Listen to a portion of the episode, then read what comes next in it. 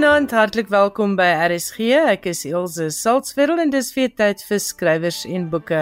Baie dankie dat jy ingeskakel is en ek hoop jy kry vanaand nog heerlike idees vir jou leeslysie of natuurlik vir jou Kersgeskenklysie, want watter beter geskenk is daar as boeke? In my hoofgesprek vanaand gesels ek met Chris Foster en ons praat oor sy uitstekende biografie van Marius Weyers. En as jy belangstel in die Afrikaanse kunstebedryf en dit wat in die toneel en rolprent wêreld gebeur het waarby Marius betrokke was, dan is hierdie beslisse boek vir jou. Ek praat ook met Morney Malan en ons praat oor sy nuwe roman Minder as water, maar ons kyk ook terug na sy vorige romans.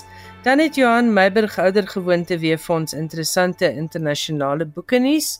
Hy praat onder meer oor 'n ou boek wat in 1995 uitgegee is wat poog om oorlog vir kinders te verduidelik en hierdie boek kry deesdae weer baie aandag. Die digter W.B. Yeats het 100 jaar gelede die Nobelprys vir letterkunde verower en Johan kyk 'n bietjie na hierdie digter se werk en wonder oor sy relevantie in 2023. En dan het Johan ook vir ons iets oor die festival vir het Afrikaans en dit is die Afrikaanse fees wat binnekort in Den Haag in Nederland plaasvind. Ons spring weg met Johan Meiburg se insetsel oor 'n aangrypende kinderboek en ek wens baie keer ons kan hierdie soort boodskappe vir groot mense en vir politici en vir besluitnemers ook oordra en miskien het hulle net 'n goeie prenteboek nodig. Hier is Johan. Met verwoestende oorlog wat tans op meer plekke as Oekraïne en die Midde-Ooste woed en waarvan ons deesdae gruisame beeldmateriaal sien, het die Russiese skrywer, illustreerder en vertaler Nikolai Popov se prenteboek van 1995 weer in die oog gekom. Die boek is ook in Engels vertaal onder die titel Why en word uitgegee deur Penguin Random House. Onlangs het Didier Terras, 'n Switserse uitgewer, teenoor Deutsche Welle opgemerk dat daar wêreldwyd 'n aansienlike aanvraag vir die boek was sedert die Russiese inval in Oekraïne. Geen wonder nie het Terras gesê juis omdat die boek in 15 tekenprente alles oor oorlog gesê kry op so 'n manier dat kinders die boodskap baie duidelik kry. Kort na die val van die Berlynse muur het Popov die prenteboek uitgegee. Daar is twee weergawe van die boek. Die een het net prente en die ander een het saam met die prente gestroopte teks. Dis die verhaal van 'n padda wat 'n blom sien en dit vir hom pluk. 'n Muis sien die blom wat die padda vashou en neem dit by die padda af. Die padda se vriende kom tot sy redding. Kry die blom terug en verjaag die muis. Maar dan kom die muis en sy vriende met 'n teenaanval. Die uiteinde van die padda muis oorlog is dit die veld waar die blomme gestaan het verniel en vernietig is 'n smeulende slagveld. Te midde van die verwoesting pyn en lyding sit die padda en die muis teen die einde van die boek met een vraag wat bokant hulle koppe sweef. Waarom? Oor Nikolai Popov kon ek nie veel inligting kry nie. Hy is in 1938 gebore en hoewel sommige bronne aandui dat hy nog lewe is daar ook aanduidings dat hy in 2021 dood is. Hy het verskeie medaljes in vorms van eerbetoon en erkenning ontvang vir sy kinderboek illustrasies. En sy werk is vertoon in uitstallings in Moskou, Tokio, Rome en Venesië. En daarbey het hy ook erelidmaatskap ontvang van die Russiese Kunsteakademie. Baie dankie Johan Meiberg. Jy luister na skrywers en boeke, jou belangrikste bron oor Afrikaanse boeke. By die afgelope woordfees het ek gaan luister na Chris Foster en Katinka Heinz en hulle het gepraat oor Chris se nuwe biografie van Marius Weyers. Nou vanaand is dit my beurt om met Chris te praat en baie luisteraars sal hom onthou as 'n akteur. Chris, goeienaand. Dankie dat jy met my gesels. Baie dankie, Elsə. Chris, jy was in Sewende Land. Dis waar ons jou die eerste keer gesien het. Watse rol het jy nou weer gespeel? Ek was uh wel snaaks genoeg 'n skrywer gewees. Uh sy naam was Reynou Lategan en hy was 'n skrywer en hy was ook baie ongelukkig met die met die vrouens in sy lewe. Hy was uh ek dink 4 keer getroud en omtrent 6 keer geskei, die armes. ja, nee Reynou, baie lief vir Reynou gewees. En toe word jy 'n uh, dosent in die veld waarin jy studeer het. Jy steeds daar by die Universiteit van die Vrystaat. Wat presies doen jy daar? Ek uh, gee film en televisie uh, ook skryfwerk, toneelstukke en filmdraaiboeke en um, ek het spesifiek gestudeer in uh, kreatiewe skryfkuns, so ek probeer nou nog my my vermoëns as skrywer ontwikkel. En uh ja nee, so ek het ek het onderstudente en en uh derdejaars studente hoofsaaklik wat ek mee werk en ek leer hulle hoe om kortfilms te maak en uh ook om dit te redigeer en te vervilm en so voort. Hierdie is ook nie jou eerste boek nie, dit is die tweede biografie wat jy geskryf het. Die vorige een was uit die perd se bek en dit is 'n biografie oor Frans Marx. Dit het verlede jaar verskyn. Dis reg ja. Goed, nou hoekom 'n boek oor Frans Marx in die eerste plek en dan wil ek spesifiek vanaand praat oor Marius Weyers, maar terwyl jy nou op die lig is, vertel ons sommer van jou biografie oor Frans Marx. Uh, wel Frans Marx is natuurlik wel ek sou sê die meeste bekend seker maar vir die feit dat hy agter elke man geskryf het en skooldae geskryf het en toe Igoli gedoen het en Igoli geskep het uh die heel eerste seepopera in Suid-Afrika. So hy was eintlik die onderwerp van my proefskrif uh en toe het uh, Daniel Hanekom hulle en Karla Lang van Protea het vir my gesê maar mens moet 'n boek oor oor Frans skryf en Frans het toe ingestem dat ek die boek skryf. Maar toe ongelukkig voordat ek nog verder navorsing kon doen, toe is Frans oorlede. So dis hoekom ons dit uit die perd se bek genoem het want dit is nie dit is nie naaste my so volledige biografie soos wat Marius se boek is nie. Frans in 'n fokus aansienlik meer op op Igoli en en hoe hy Igoli geskep het wat natuurlik nog steeds vrek interessant is, maar um, ek sou baie graag nog 'n bietjie met Frans wou gesels. Toe ek met Frans gepraat het, het hy natuurlik nou 'n paar keer verwys na Marius en toe het ek vir Marius gebel en met hom gepraat nou en 'n paar gevrae gevra oor spesifiek Frans Marx En uh toe het ek sommer so al vir vir Marius genoem dat ek dink as ek nou klaar is met Franse boek dan moet ek sommer 'n bietjie oor hom skryf. Maar Marius was toe nou nie te vind daarvoor nie. So dit het nogal baie oortuiging gevat uh om vir Marius te kry, sover te kry om in te stem vir biografie. Hoekom hy dit uiteindelik gedoen het is hy het uh my proefskrif gelees wat ek oor Frans geskryf het en ehm um, hy het toe nogal baie daarvan gehou en hy het gehou van my styl en die navorsing wat gedoen het en toe Marius ingestem.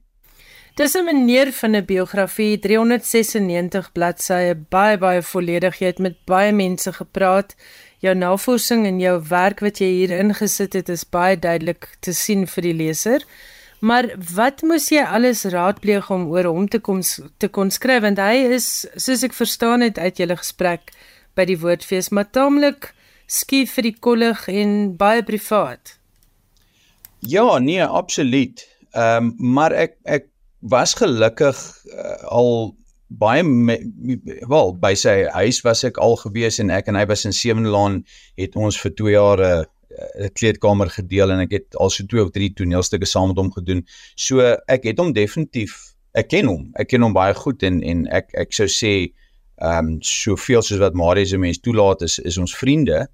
Ehm um, en soos so, in daai opsig was dit was ek baie gelukkig. Ek dink hy het vir my gesê iemand anders het hom ook al 'n keer of wat genader om om 'n biografie te skryf en uh, hy het toe nee gesê en ehm um, ek het so gelag want toe ek en Marion Holm gepraat het op op aardklop toe sê sy maar hy is die stilste mens wat sy in haar lewe nog ontmoet het so hoe het ek hom gekry om te praat en ehm um, die ding is van Marius is hy is so passievol oor oor sy werk en natuurlik oor oor oor Iwet, oor sy huwelik, oor rooi els.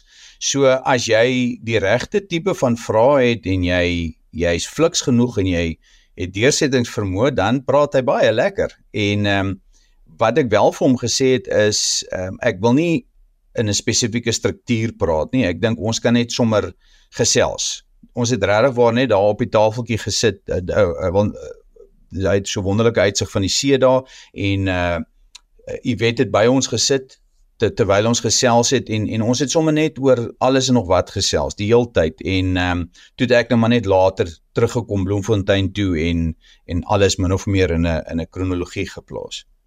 Jy het gepraat van 'n dokument wat hy saamgestel het 'n klompie jare gelede met 'n paar staaltjies oor sy lewe wat jou baie gehelp het. Uh vertel vir die vir die luisteraars 'n bietjie daarvan.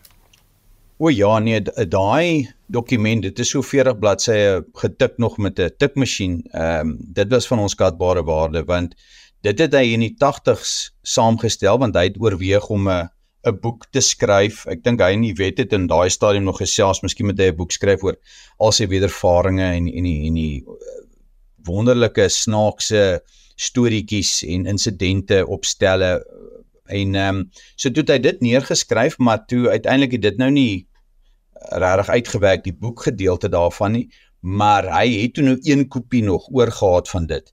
En hy toevallig net so uh, baie informeel genoem o hy het so ietsie daarso maar hy weet nie eintlik waar dit is nie en ek het toe natuurlik nou om die heeltyd ehm um, geplan gesê asseblief asseblief soek dit kyk in al die bokse ek sal kom help ek sal ook deur alles krap maar ons moet daai goedjies kry.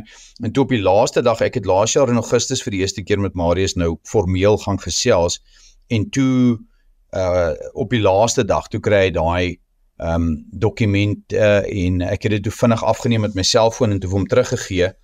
En dit is so 17 fantastiese stories oor wat regtigbaar begin by goed wat hy uh, ge, met hom gebeur het in Ampi en in Siener en Report to an Academy en en uh The Gods Must Be Crazy. Al die groot hoogtepunte het hy iets oor geskryf wat ehm um, ook lekker vars in sy geheue was in die 80 so uh en en ek sou sê ons het ek het seker omtrent 90% van dit is net so in die boek. So dit is Marius het eintlik sy eie biografie geskryf. Jy maak melding van die feit dat hy die enigste akteur is of waarskynlik die enigste akteur met 'n swaar vragmotor bestuurslisensie.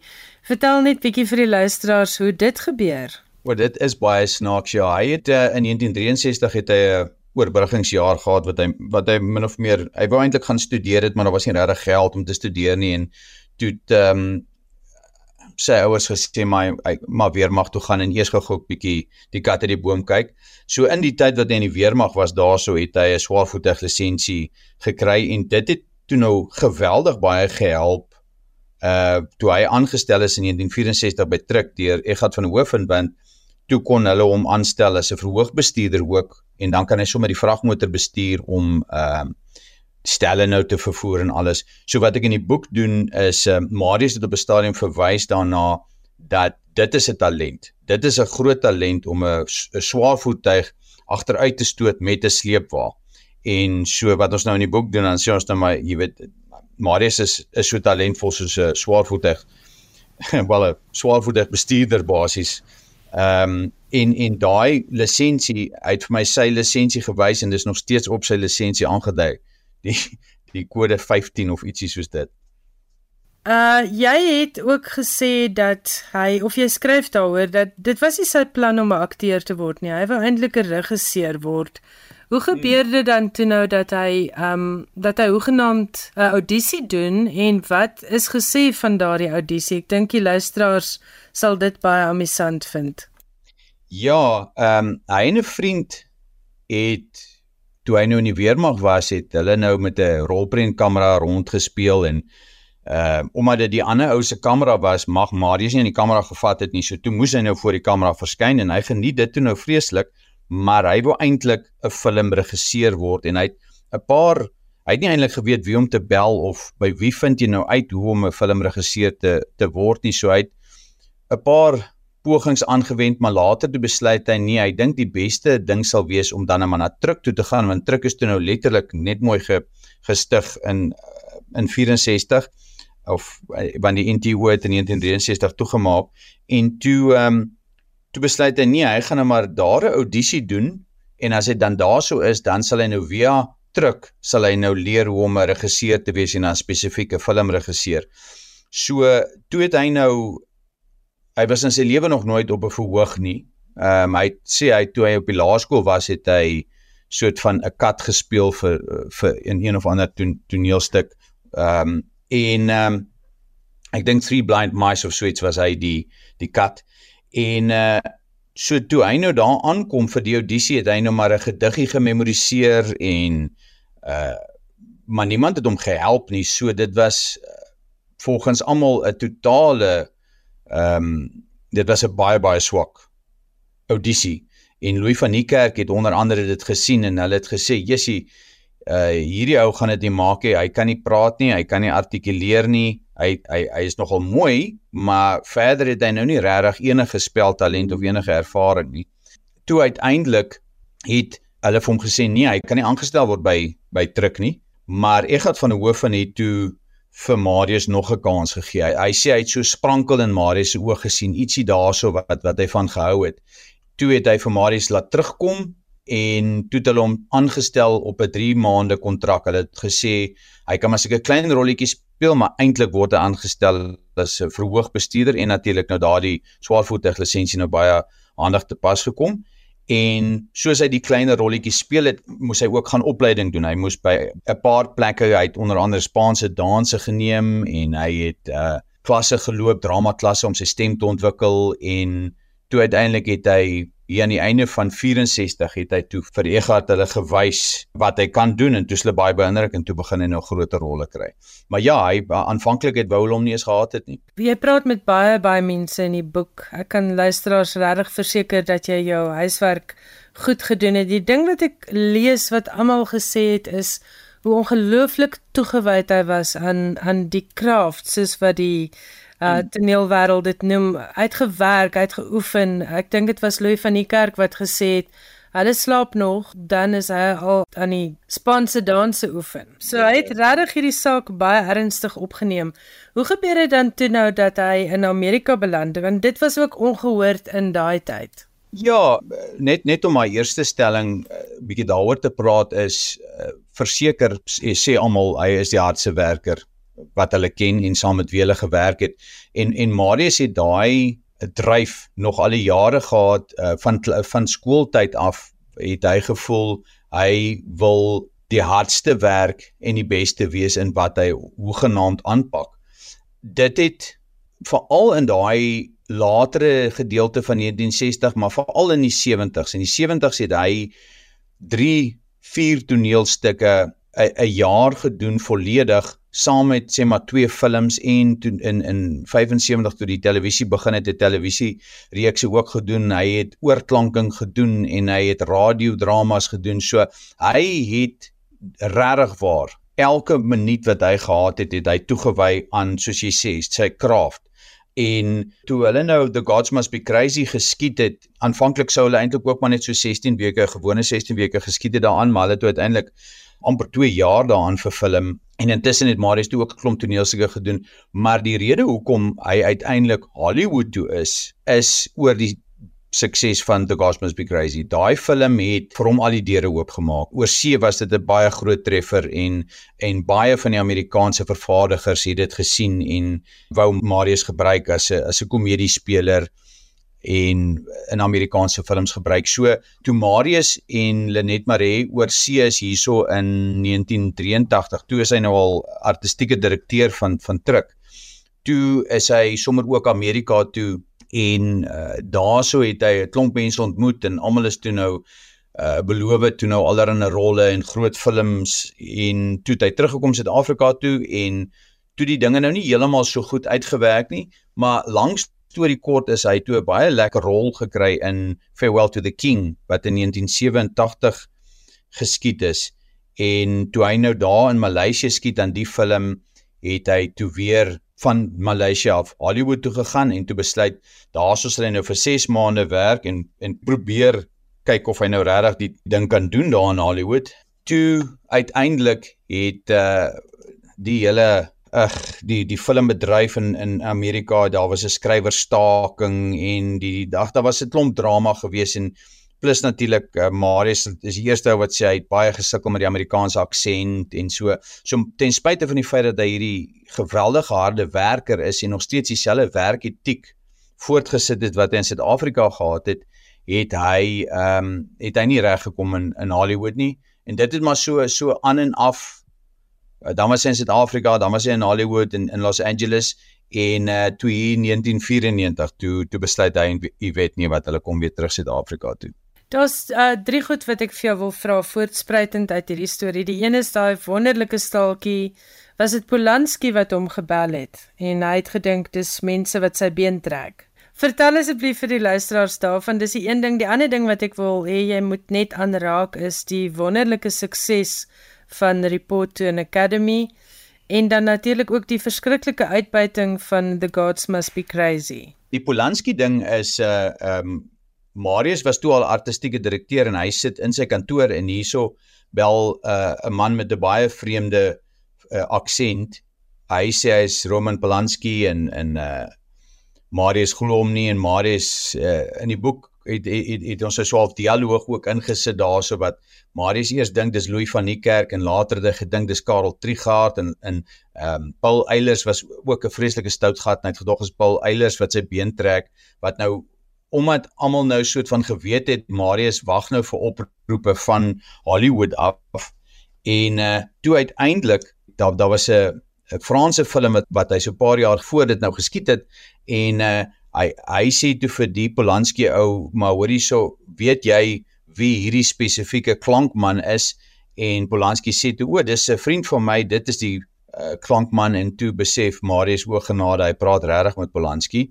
Maar nou ja hulle het toe nou lekker gelag oor die besigheid. En ja dit uh, daar het hy dit die film se naam was um, Pirates gewees en uh, Polanski wou vir Marius gehad het. Marius het Parys toe gevlieg en audisie gedoen daarso vir dit en toe hy terugkom huis toe was dit eintlik basies net hy moet net kontrak teken. Hy was 100% oortuig dat hy die rol het want Polanski het vir hom gesê hy het die rol en dit is 'n groot film gewees. Maar soos wat dit nou maar in die filmwêreld gaan, het dinge toe nou nie so uitgewerk nie en uiteindelik het hulle toe vir Walter Matthau in Marius se plek gebruik. So dis die Polanski storie dan um Gods Must Be Crazy soos ek nou net nog gesê het was 'n uh, geweldige treffer oor see en dit het oral rekords gebreek in terme van die inkomste daarvan. Miljoene rande nê wat wat groot geld was daai tyd?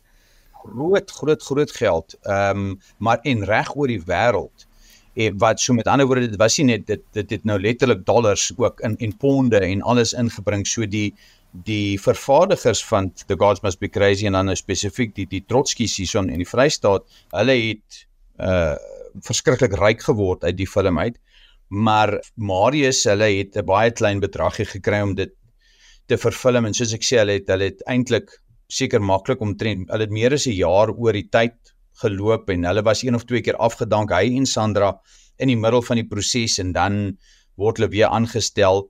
Maar soos Marius sê die die geld situasie en en die feit dat ander mense miljoene uit die film gemaak het ehm um, dit is nou maar so. Dit is mense doen besigheid op ander maniere, maar vir hom was die waarde van The Gods Must Be Crazy verseker die feit dat uh, dit soveel deure vir hom oorsee oopgemaak het. En daarom het hy ook dit was toe 'n lang proses uh, die onderhandelingsproses vir The Gods Must Be Crazy 2 en daar was allerlei redes hoekom Marius toe uiteindelik uh, gesê het nie hy gaan nie in die in, in die film wees nie. Hoewel daar die heeltyd kontroversie daaroor is want ehm um, van die mense sê Marius is nooit 'n rol aangebied nie en so voort so. Kan jy die bedrag onthou? O ja nee nee, hy's 'n uh, Ma Marius se salaris uit die film uit dink ek was R14000. En dit was 'n wêreldberoemde film gewees. Hmm. Maar maar kan ons gou praat oor uh, Report to an Academy wat ontsettend suksesvol was? Report to an Academy, Marius sal dit self ook sê, ehm um, is waarskynlik die produksie die toneelstuk waarop hy die heel trotste is. En hy sê ook dit is dis dis die ding wat hom die meeste uitgedaag het in terme net van sy die die fisieke uitdagings op op sy liggaam en sy stem en natuurlik die die gremering en die navorsing wat hy gedoen het om met sjimpansees in in in hulle hokke te gaan sit en te kyk hoe hulle kwaad word en kyk hoe hulle vriendelik is en kyk hoe hulle ehm um, aangaan as hulle gelukkig is en uh so da, hy en uh, Mario Schies was die die uh, regisseur en dit was in 1979 het hulle die ehm um, toneelstuk begin Reporting Academy en Marius het nog tot in 1987 het hy dit nog in Los Angeles gedoen. Hy het dit uh, op Edinburgh gedoen, hy het dit in in Engeland gedoen, hy het dit in Israel gedoen, hy het dit reg oor die wêreld het hy dit gedoen en ehm um, die die toneelstuk self en natuurlik die die betekenis van die toneelstuk dit dit lê hom baie na in die hart. Uh, dit is een van daai goedes wat mens uh, uh, baie spyt is dat hulle dit nooit op 'n manier vervilm het dat 'n mens dit kon sien nie. Dan het baie mense baie te sê gehad oor Marius die mens wat 'n ongelooflike gawe mens is. Jy skryf ook in die boek jy verwys na die uitdrukking vriend en vyand. En dan sê jy jy kon nog nie 'n vyand van Marius Veyers opspoor nie. Vertel vir ons van Marius die mens. Wat maak hom so geliefd? Uh Ek dink die eenvoudigste manier om dit te stel is Marius het in my opinie 'n plaasseun gebly. Hy hy kom uit uit 'n baie beskeie agtergrond en en baie liefdevolle ouers wat hard gewerk het en op die plaas sy pa het het het vir baie baie jare geboer en later het hy 'n klein winkeltjie gehad maar altyd baie baie beskeie mense en ehm um, vir my is is Marius hy's hy's vir my net 'n boerseun wat toevallig ook 'n baie baie talentvolle akteur is en hy daai karaktertrekke wat 'n mens altyd soveel hê jou jou eie seuns en kinders moet hê is is daai verskriklike goeie maniere die die die beskeidenheid en dan natuurlik uh, as as ons nou verder gaan en ons kyk na sy na sy huwelik wat 'n baie groot deurlyn in die boek is ehm um, ek het vir Marius gesê dit ek wil dit graag ook soos 'n liefdesverhaal soos 'n liefdesroman skryf want sy verhouding met met die wet en hulle twee se se vennootskap en hoe hulle mekaar ondersteun het dit sluit vir my aan by hierdie hele uh, boerseun ding amper hierdie regtig waar uh, iemand wat wat omgee vir 'n ander mens waarlik waarlik omgee vir 'n ander mens so hulle hulle verhouding hulle het uh, so vroeg in 1975 is hulle getroud en sy het 'n geweldige invloed op Marius gehad uh, positief natuurlik en uh, en vice versa en uh, maak nie saak waardeur hulle is nie en veral daai tyd in Hollywood het hulle verhouding net al hoe sterker en sterker geword en selfs nou toe toe Yvette met Alzheimer's gediagnoseer is het, het Marius net eenvoudig gesê daar's nie 'n manier waarop hy waar in enige ander plek gaan sit behalwe sy gaan by die huis bly hy gaan na haar kyk sy was sy vrou vir vir 5 meer as 50 jaar so hy gaan haar nie nou op 'n ander plek laat sit nie en en en hy wil ook nie iemand anders in die huis hê nie. Daai verhouding van hulle sal bly voortbestaan ten spyte van al hierdie uitdagings uh, rondom daai siekte. So so in in daai opsig as mens nou regtig praat van van Marius die mens, ek doen dit in feite in die boek uh, sê ek jy weet mense is so geneig om as hulle getroud raak en en en hulle het hierdie wonderlike beloftes wat hulle aan mekaar maak, hoe weet mens dat dit nou regtig so gaan uitwerk. So vir my was dit baie lekker om die twee teenoor mekaar te stel dat nie net maak hy daai beloftes nie, maar ek kan ook nou sê dat 50 plus jaar later het hy daai belofte gehou. Al die beloftes wat hy aan haar gemaak het en natuurlik wat sy aan hom gemaak het. En dit dit is vir my 'n uh, eh, so inspirerend en jy weet mense sien so baie van die bekende mense en veral natuurlik in Hollywood wat hulle huwelike opvoeder oor die mense uh ek dink is maar jy weet selfbeeld en en hulle is baie egosentries waar Marius was dit nooit so dit het kon mens dan nou sien in hierdie suksesvolle huwelik en verhouding wat hy ook gehad het. Weet is ongelukkig vroeër vanjaar oorlede maar jy noem dit ook dit was werklik till death do us part van Marius se kant af. Chris Foster, baie baie dankie vir die heerlike gesprek. Baie geluk met 'n lieflike boek. En vir luisteraars wat hoegenaamd belangstel in die Afrikaanse kunste en wat hou van lees, ek dink hierdie boek is vir julle. Dit is doeteenvoudig getiteld Marius Weyers deur Chris Foster, uitgegee deur Protea. As jy pas die radio aangeskakel het, hierdie is RSG en skrywers en boeke en ek is Elsje Salzwetel. W.B. Yeats is 'n baie bekende digter. Ons almal het al die naam gehoor, maar dalk het ons vergeet waaroor het hy geskryf.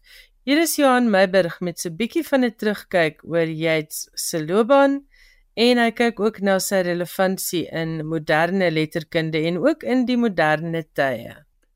100 jaar gelede, kort na die Ierse onafhanklikheidsoorlog wat van 1919 tot 1921 gewoed het, is die Nobelprys vir letterkunde in 1923 aan die Ierse digter William Butler Yeats toegekend vir sy inspirerende poësie wat uitdrukking gee aan die gees van 'n ganse bevolking, soos die Sweedse Akademie dit gestel het. Yeats is gereken as die vertolker van sy land se strewes. Yates was toe 58 en hoewel die erkenning geregverdig was, sou hy van sy belangrikste skryfwerk in die volgende 15 jaar tot en met sy dood in 1939 lewer. Sy invloed het wyd gestrek en uitgeslaan by mense soos Sylvia Plath, Ted Hughes, W.H. Auden en Dylan Thomas. 100 jaar later is Yeats nie meer die helder ster wat hy eens was nie. Sy werk is nie deesdae hoog op leeslyste vir studente nie. 'n Benewens frases soos No Country for Old Men uit Sailing to Byzantium en Things Fall Apart uit The Second Coming. Is daar nie veel meer van Yeats in die heugenis oor nie. In postkoloniale syllabusse is jy nie juis 'n aanspraakmaker nie, hoewel hy ten diepste 'n vurige anti-kolonialis was. Binne eie tyd se letterkunde is sy sienings en waardes, sy opvattinge en assosiasies nie meer toonaangewend nie. En in 'n tyd waarin die skerf van kulturele sensuur nooit baie diep gebeure is nie, is hy dalk iets van 'n randfiguur. Tydens 'n huldiging in Ierland ter viering van sy 150ste geboortedag in 2015 is daar selfs na Yeats verwys as gerespekteerd eerder as geliefd. Nie die soort digter wie se gedigte tot skoolkinders spreek nie. Wat 'n mens niks anders sou kon beskryf nie as 'n verlies. Want hoewel hy skryf binne 'n leefwêreld wat soveel anders is as die een wat ons ken, het hy dalk heelwat te sê vir ons troebeltyd. Gewoon as 'n mens in gedagte hou dat Yeats veral begaan was oor die uitwerking van ideologie en teorie op die mens se kapasiteit vir empatie en vreugde. Miskien is dit 'n goeie tyd om nou weer WB Yeats nader te trek. Baie dankie Johan Meiberg. Skrywers en boeke elke woensdag aand tussen 8 en 9. Dat onlangs by Penguin Random House 'n heerlike boek verskyn, Minder as water deur Morney Malan en ek gesels vanaand met Morney oor hierdie boek maar ook oor sy vroeëre werk. Morney, goeienaand, baie welkom by Skrywers en boeke. Nancy Ilse, baie lekker om hier te wees en met julle te praat. Jy is 'n woordmens, jy werk in die wêreld van bemarking en jy skryf sekerlik baie bemarkingsteks en dinge. Maar nou is jy al vir 'n hele paar jaar sedert 2009 ook 'n romansier. Vertel ons net 'n bietjie van jou persoonlike pad met woorde en spesifiek dan nou met Afrikaanse skryfwerk. Man, ek sou sê ek was nog altyd 'n 'n mens vir stories en van kleins af was jy weet een van my my gunsteling tydverdrywe is natuurlik om met my uh, neus in 'n boek te sit en ek het nog altyd die droom gehad om om 'n boek te kan skryf en te ontwikkel ook. Toe ek uh, omtrent so 6 jaar oud was, het ek uh, met vetkruite my eie storieetjie uitgegee. Ek het dit op uh, op papier geteken en die woorde daarby geskryf en 'n paar eksemplare gemaak en vir my familielede uh uitgegee en natuurlik het hulle gedink is die beste ding in die wêreld en ek het dit verskriklik geniet. En daar dink ek het die hierdie paadjie uh werklik begin. En skryfwerk was maar nog altyd deel van my lewe. Ek was verskriklik lief vir vertale op skool. Ek het uiteindelik toe gaan drama swat. Ehm um, en uh, van daar ook die die liefde vir storie vertel op 'n ander manier uitgeleef. En uiteindelik toe, jy weet in die uh in die in die skryfwerk ook, jy weet my lewe gemaak. Ek het begin uh kopie skryf veral ook in Engels. Ehm um, later toe uh, in Engels verder gaan studeer tot tot uh dokters doktersgraad vlak. En ja, en sedertdien is my my lewe is is word gemaak uit uit skryf. Maar kopie skryf verskil, daar's 'n hemelsbreë verskil van dit en dit wat jy doen as jy boeke skryf en veral romans.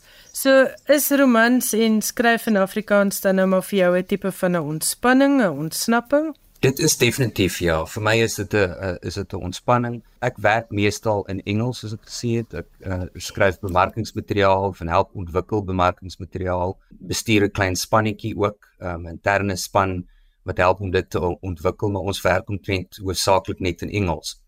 En uh Afrikaans en Afrikaanse stories ontwikkel is definitief vir my soos 'n soos 'n ontvlugting en 'n toevlug amper. Jy weet van van die daaglikse werk.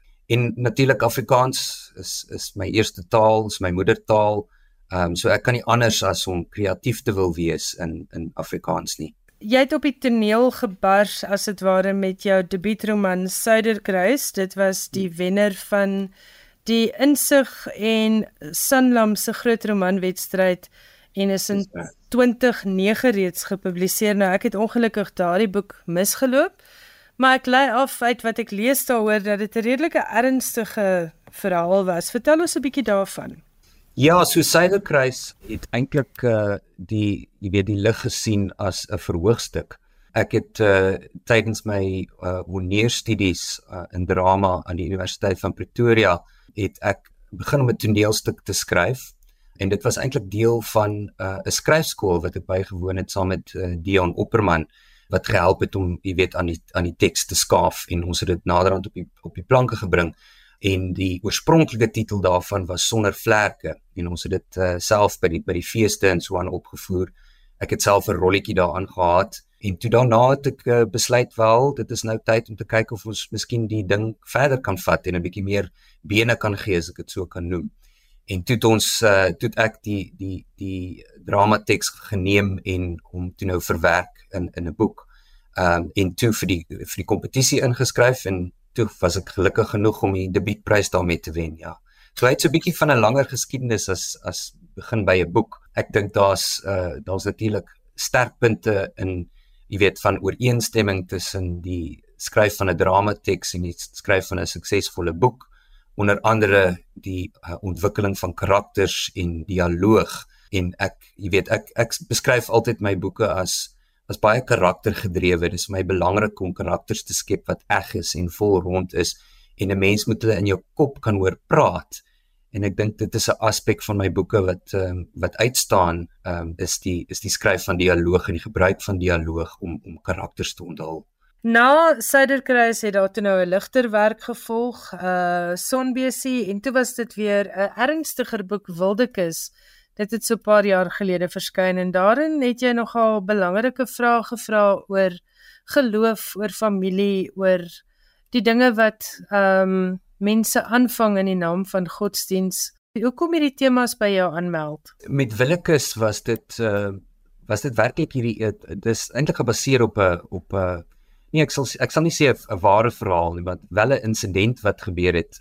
Ek was uh, nog altyd baie lief vir die Willekus en ehm um, het nou al verskeie kere daar gaan vakansie hou, so dit is vir my 'n baie bekende omgewing. En die eendag het ons daar gekampeer, ek en 'n groep vriende, uh nog van my universiteitsvriende en vriende wat ek daarna gemaak het. Um en ons het uh gekampeer en toe uh skielik daag daar 'n stel karavane op met vreeslike uh charismatiese uh Christene wat daar begin vuur maak het en makiti hou het en ehm uh, jy weet hulle Christelike musiek regtig baie hard gespeel het sodat die hele 'n uh, kampterrein dit naderhand kon hoor en dit was my net 'n baie fascinerende idee om te dink wat gaan regtig agter die geslote deure van so 'n gemeenskap aan? Waarmee hou hulle hulle self besig en hoe kom dit dat hulle op so 'n plek soos by die Willekeus uh, saamtrek en en wat is al die jy weet die motiewe agter agter hulle optrede? En uh ek was nog jy weet daarmee saam nog altyd baie gefassineerd deur die idee van kultusse.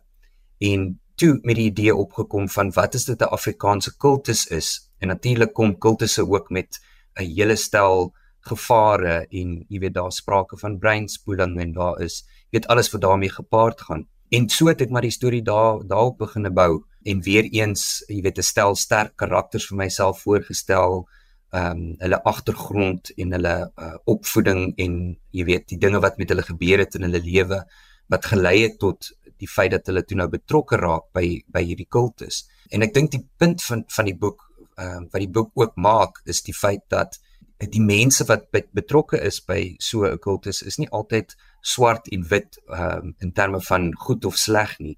Daar's 'n stukkie goed en 'n en 'n stukkie sleg in elke mens. En dit is die juist daai soort tema wat ek uh, wat ek met die boek aangespreek het met Willekes veral Ja, en daar's ook redes hoekom mense weerloos raak en betrokke raak by so kultus. Ek dink dit het jy ook nogal goed verbeeld daar. Ehm um, as ek terugdink die dogter se ma sterf en sy is net meer vatbaar as wat sy onder ander omstandighede sou wees. Ja, en en, en natuurlik ook die die kultus self gee vir jy weet die karakters wat daarbey betrokke raak, die mense wat daarbey betrokke raak, 'n rede om aan iets te behoort. En jy weet dit gee vir hulle 'n uh, eh, gevoel van gemeenskap en 'n gevoel van samehorigheid. So selfs in die idee van 'n kultus wat in in baie in dikwels in baie negatiewe terme uh, geteken word is daar tog ook elemente wat 'n mens nie kan ignoreer nie.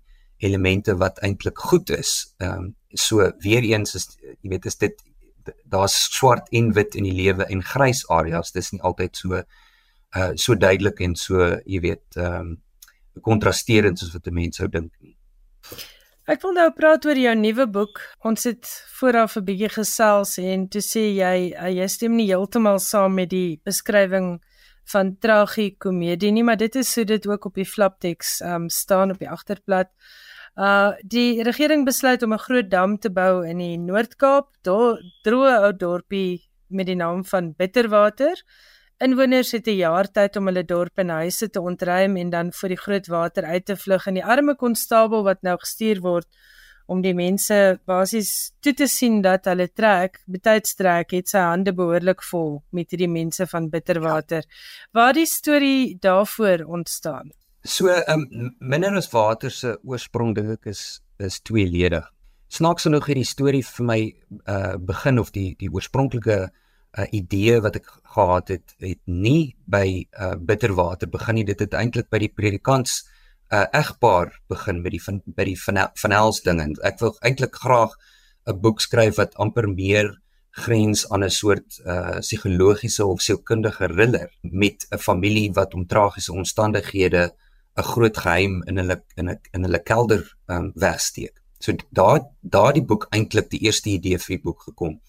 Maar natuurlik is dit uh weeg dit nogal swaar en 'n mens moet altyd dink aan wat gaan 'n bietjie verligting bring aan aan so 'n stel omstandighede dat dit nie te swaar is nie dat mense nog steeds die boek kan geniet.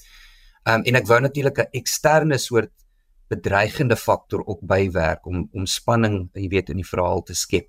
Um met hierdie uh amper tragiese uh, egpaar en met wat hulle uh, jy weet met wat hulle gebeur en die, en die intrige in die verhaal. En uh ek was nog altyd gefassineerd deur beelde van uh oorstroming. Jy weet hier in ons eie land is Laingsburg is nog 'n is nog 'n vars in die geheue, maar ook dit is amper 'n oortema as mense dink aan die sondvloed uit die Bybel en verskeie sulke um, beelde van plekke en mense wat deur water bedreig word, deur stormende water of water oorstroom word. Jy weet daar's daar's ook baie interessante um beelde en fotos van dorpies en uh, hele jy weet gemeenskappe wat moes verskuif en die dorpe net so agtergelaat uh, onder die water.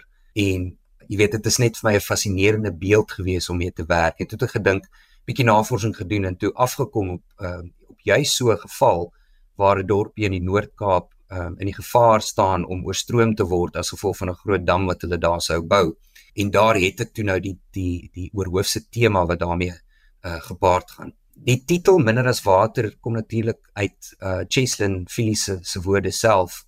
Ehm uh, wanneer hy met hierdie uh, dilemma sit om te dink, ehm um, jy weet, is mense lewens dan minder werd as water? En water wat eintlik so 'n algemene ding is, het eintlik baie min waarde tensy dit regtig in 'n dorre plek soos uh, bitterwater aangebring moet word of verskaf moet word, dan dan word water skielik weer baie kosbaar. En wie maak daai som? Vra hy ook in die boek. Um, as 'n mens dit nou opweeg teen mense lewens. So die boek gaan nou regtig eintlik oor die verskywing van gemeenskappe, die trauma wat daarmee gepaard gaan, maar ook die ontleding van persoonlike verlies en um, persoonlike konflik um, tussen die verskillende karakters ook. Maar soos jy sê, jy wou dit ook 'n bietjie ligter maak met hierdie met die skep van hierdie uh, snaakse, interessante, mens wil amper sê eksentrieke karakters. Ja. Waar kry jy jou karakters? Want dit is oor die algemeen um in Wildekus en en ook in Minder as Water. Dis interessante mense. Is dit maar van dophou? Is dit mense wat jy opdroom? Dit is definitief van dophou, meestal van dophou. Min van die karakters wat in my boeke verskyn is grootliks gebaseer op mense nie. Ek uh, begin die karakters by 'n spesifieke idee um, en 'n kwaliteit wat hulle aan die boek sal bring, maar dan uh, werk ek baie hard om vir hulle geskiedenis te skep en karaktertrekke te skep en 'n manier van praat te skep sodat die dialoog ook, jy weet, oorspronklik klink en en ook karakteronthullend word. So dis iets wat vir my um, baie belangrik is, maar die idee van die karakters kom af van dophou. Ek is baie lief vir mense dophou jy weet en en en veral te luister hoe hulle praat en waaroor hulle praat. En weer eens is dit vir my jy weet die ding van dialoog is my so verskriklik belangrik want dit is so karakteronthullend ek geniet dit om vir mense te luister as hulle stories vertel. So daar's ook 'n koneksie met my liefde vir stories ehm um, jy weet en en en dit bou ook in my karakters in. Jy het reg aan die begin vir ons gesê jou eerste boek is met vetkruid gedoen Nou wil ek graag met jou praat right. oor die proses. Is is boekskryf toe nou so erg of so moeilik soos wat jy gedink het dit is? Of was jy uh, hoe hoe werk jou proses? Dis baie moeiliker as wat ek ooit gedink het dit sou wees.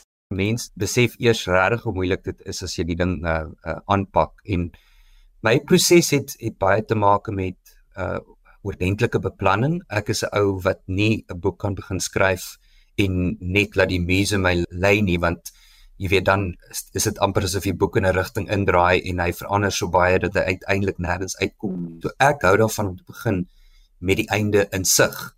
Ehm um, en deeglike beplanning te doen tot op hoofstuk of toneel vlak om te weet waarheen hierdie storie gaan en ordentlik uit te bou en dit help ook vir my om seker te maak dat die spanning geleidelik bou en dat 'n mens die verskillende geheime wat 'n mens in 'n boek want 'n boek moet altyd 'n geheim hê 'n sentrale geheim, maar ook ander klein geheime wat 'n mens stelselmatig deur die lees daarvan ontdek. En dit is vir my ongelooflik moeilik om nie met die hele sak patat sommer, jy weet, uh vooruit, jy weet, uh, vorendag te kom nie om dit ordentlik te beplan en en geleidelik aan die leser bloot te stel. En en en dit is hoekom um, jy weet beplanning vir my uh, belangrik is.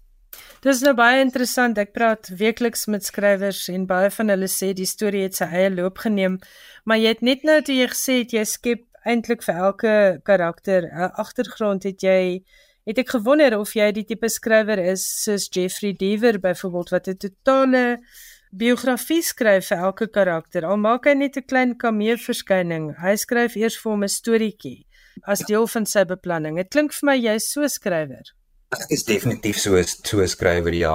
Ek ek skryf nou nie 'n volle biografie vir elkeen nie, maar is definitief karakterbeplanning wat vooraf geskied en dis selfs voordat ek die storielyn of die hoofstukbeplanning doen, hou ek daarvan om in my karakter se vel in te klim. Ehm um, en veral, jy weet, ontgin hoe hulle oor dinge dink en voel, maar ook sekere gebeure in hulle verlede wat wat miskien dalk nog iewers in die, in die boek jy weet sal ontbloot word of gebruik word. Partykeer nie. Partykeer gaan dit net oor om hulle te motiveer um, of hulle jy weet hulle optredes en besluitneming en so aan te motiveer.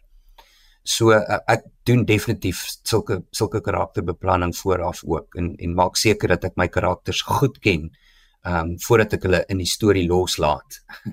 en dit is ook nou wat ek by sê, 'n storie is dis ook nie asof uh, jy weet as 'n mens deeglik beplanning doen soos wat ek gewoonlik doen dat dat mense nie oop is vir verandering en verrassings in die boek nie.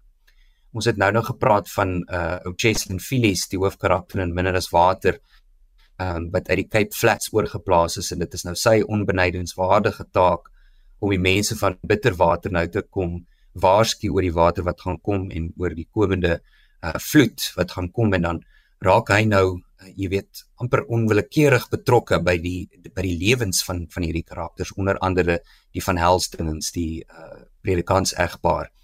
Maar Jason was vir my vers, verskriklike groot verrassing. Ek het uh, ek wou karakter skep wat natuurlik bietjie ligter was um wat 'n interessante amper komiese uitkyk op die lewe het maar ook 'n vreeslike groot hart het wat so maklik vir mense um kan omgee ek het ek wou hierdie karakter skep maar toe ek hom geskep het is dit amper asof hy begin oorneem het. En hy het vir my snaaks genoeg baie interessanter geword om oor te skryf en uiteindelik die die hoofkarakter geword.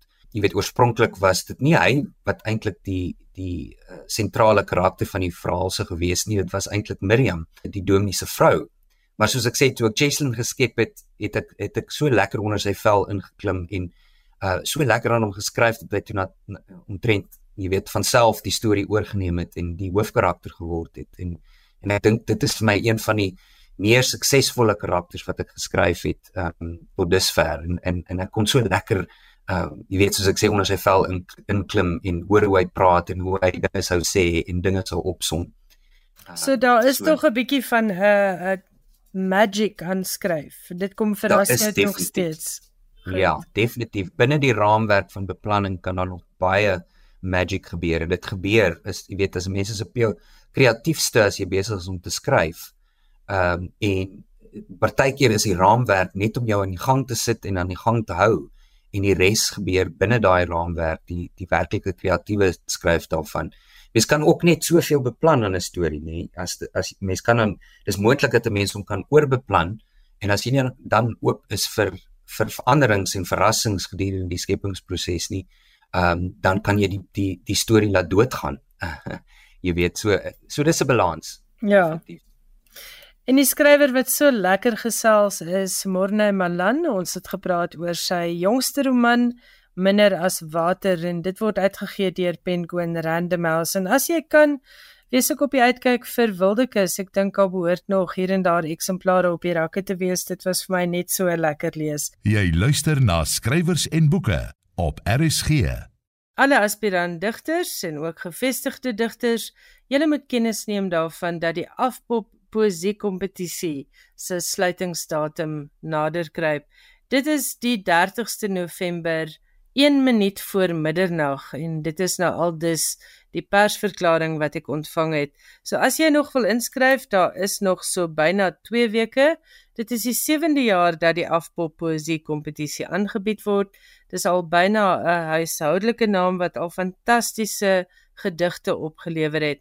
En onthou daar's heerlike pryse om te wen. So as jy belangstel, gaan maak 'n draai by afpoppoetry.co.za. Daar is ook redigeringswenke en advies vir digters as ook datums van werkswinkels wat binnekort aangebied word. Onthou daardie sluitingsdatum, dit is 30 November om 23:59, net 'n minuut voor middernag. Dit is jou sluitingsdatum vir die jaarlikse afpop poesie kompetisie. Lekker skryf en ek hoop jy het hope inspirasie. Die tyd het ons alweer ingehaal, maar ons het 'n laaste brokkie vir jou en dit is Johan Meiburg wat vir ons net so 'n bietjie inligting het oor die festival vir het Afrikaans wat volgende week in Den Haag in Nederland plaasvind. Oor 'n bietjie meer as 'n week vind die 5de weergawe van Festival vir het Afrikaans in Den Haag in Nederland plaas. Die oogmerk met die fees is enerzijds om die Nederlandse en Vlaamse publiek te laat kennismaak met die rykdom van die Afrikaanstalige kultuur en andersins om 'n verhoog vir kunstenaars te bied met die oog op wederwysige en internasionale samewerking. Die program vir die 3 dae 24, 25 en 26 November sluit in musiek, toneel, letterkunde, rolprente, gesproke poesie en debat. So deel Auntie Krog by geleentheid 'n verhoog met die Nederlandse skrywer Adrian van Dis, 'n Ronelda Kamfer met Babs Gons, die Nederlandse vaderlandsdigter. Vir nog inligting oor die fees, besoek die webwerf www.festivalvoorhetafrikaans.nl